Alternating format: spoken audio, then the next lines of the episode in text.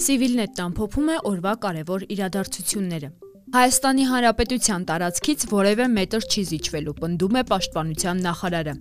Խորհրդային սահմանների շարունակությունն անընդունելի սկզբունք է, Արցախի ՄԻՊ։ Պուտինը կարծում է, որ Ղարաբաղում հակամարտության սրացումը մեծացրել է ահաբեկչության ռիսկերը տարածաշրջանում։ Բանակը, որ ջախջախվել է, Փաշինյանի բանակը չէ, հայտարարել է Իլհամ Ալիևը։ Դեկտեմբերի 17-ին Սյունիքում Պաշտպանության նախարար Վաղաշ Հարությունյանը հանդիպել է մարզի մի շարք համայնքների ղեկավարների հետ։ Հանդիպման մասնակիցները նախարարին ներկայացրել են իրենց մտահոգությունները մարզում սահմանային ճշգրտումների հետևանքով ստեղծված բարդ իրավիճակի վերաբերյալ։ Սահմանագծի փոփոխություններով պայմանավորված հակառակորդի թիրախում են հայտնվել մի շարք բնակավայրեր, այդ թվում մարզ կենտրոն Կապանը։ Պաշտպանության նախարարը նշել է, որ սահմանը ճշգրտվում է երկու կողմերի բարձրաստիճան սպաների մարմինների ներկայությամբ եւ որ Հայաստանի Հանրապետության տարածքից որևէ մետր չի զիջվելու։ Ընդգծվել է, որ այդ հատվածներում հսկողություն կիրականացնեն ռուս սահմանապահները, որի վերաբերյալ համաձայնությունն արդեն իսկ ձեռք է բերվել եւ դա լրացուցիչ երաշխիքներ կստեղծի անվտանգային համակարգն ուժեղացնելու համար։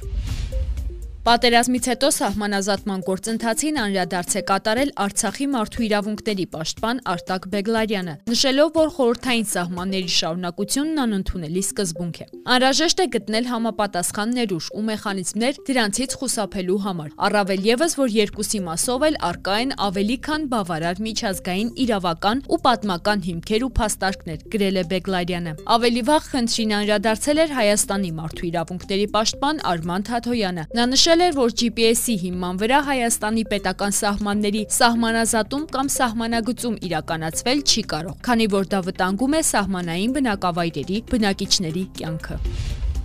Լեռնային Ղարաբաղում հակամարտության սրացումը մեծացրել է տարածաշրջանում ահաբեկչության ռիսկերը, հայտարարել է Ռուսաստանի նախագահ Վլադիմիր Պուտինը, ԱՊՀ պետությունների ղեկավարների արցանց խորհրդի նիստին։ Տեղի ունեցած բախումները ցավալիորեն հանգեցրեցին բազմաթիվ մարդկային զոհերի, ընդհանուր առմամբ սրեցին առանց այդ էլ բարդ իրավիճակ Անդրկովկասում եւ մեծացրեցին ահաբեկչության սպառնալիքի տարածման ռիսկերը, ասել է Պուտինը։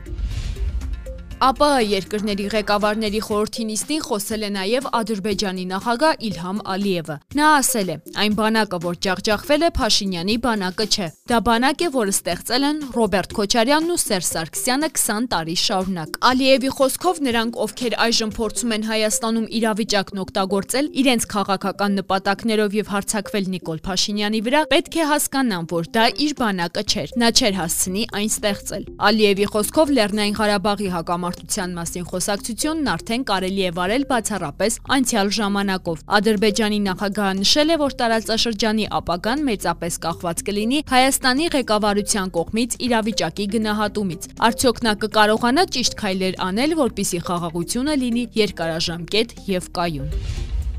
Հայաստանի փաստաբանների պալատը եւս կոչ է արել վարչապետ Նիկոլ Փաշինյանին հրաժարական տալ։ Նրանք դիմել են ազգային ժողովի նախագահին ռազմական դրությունը վերացնելու եւ վարչապետին անվստահություն հայտնելու պահանջով։ Նիկոլ Փաշինյանի հրաժարականի կոչ ավելի վաղ արել էին Հայաստանի Հանրապետության նախագահը, ամենայն հայոց եւ մեծի տանն Կիլիկիո կաթողիկոսները, Գիտությունների ազգային ակադեմիան, Երևանի պետական համալսարանի գիտխորհուրդը եւ շատ այլ կառույցներ։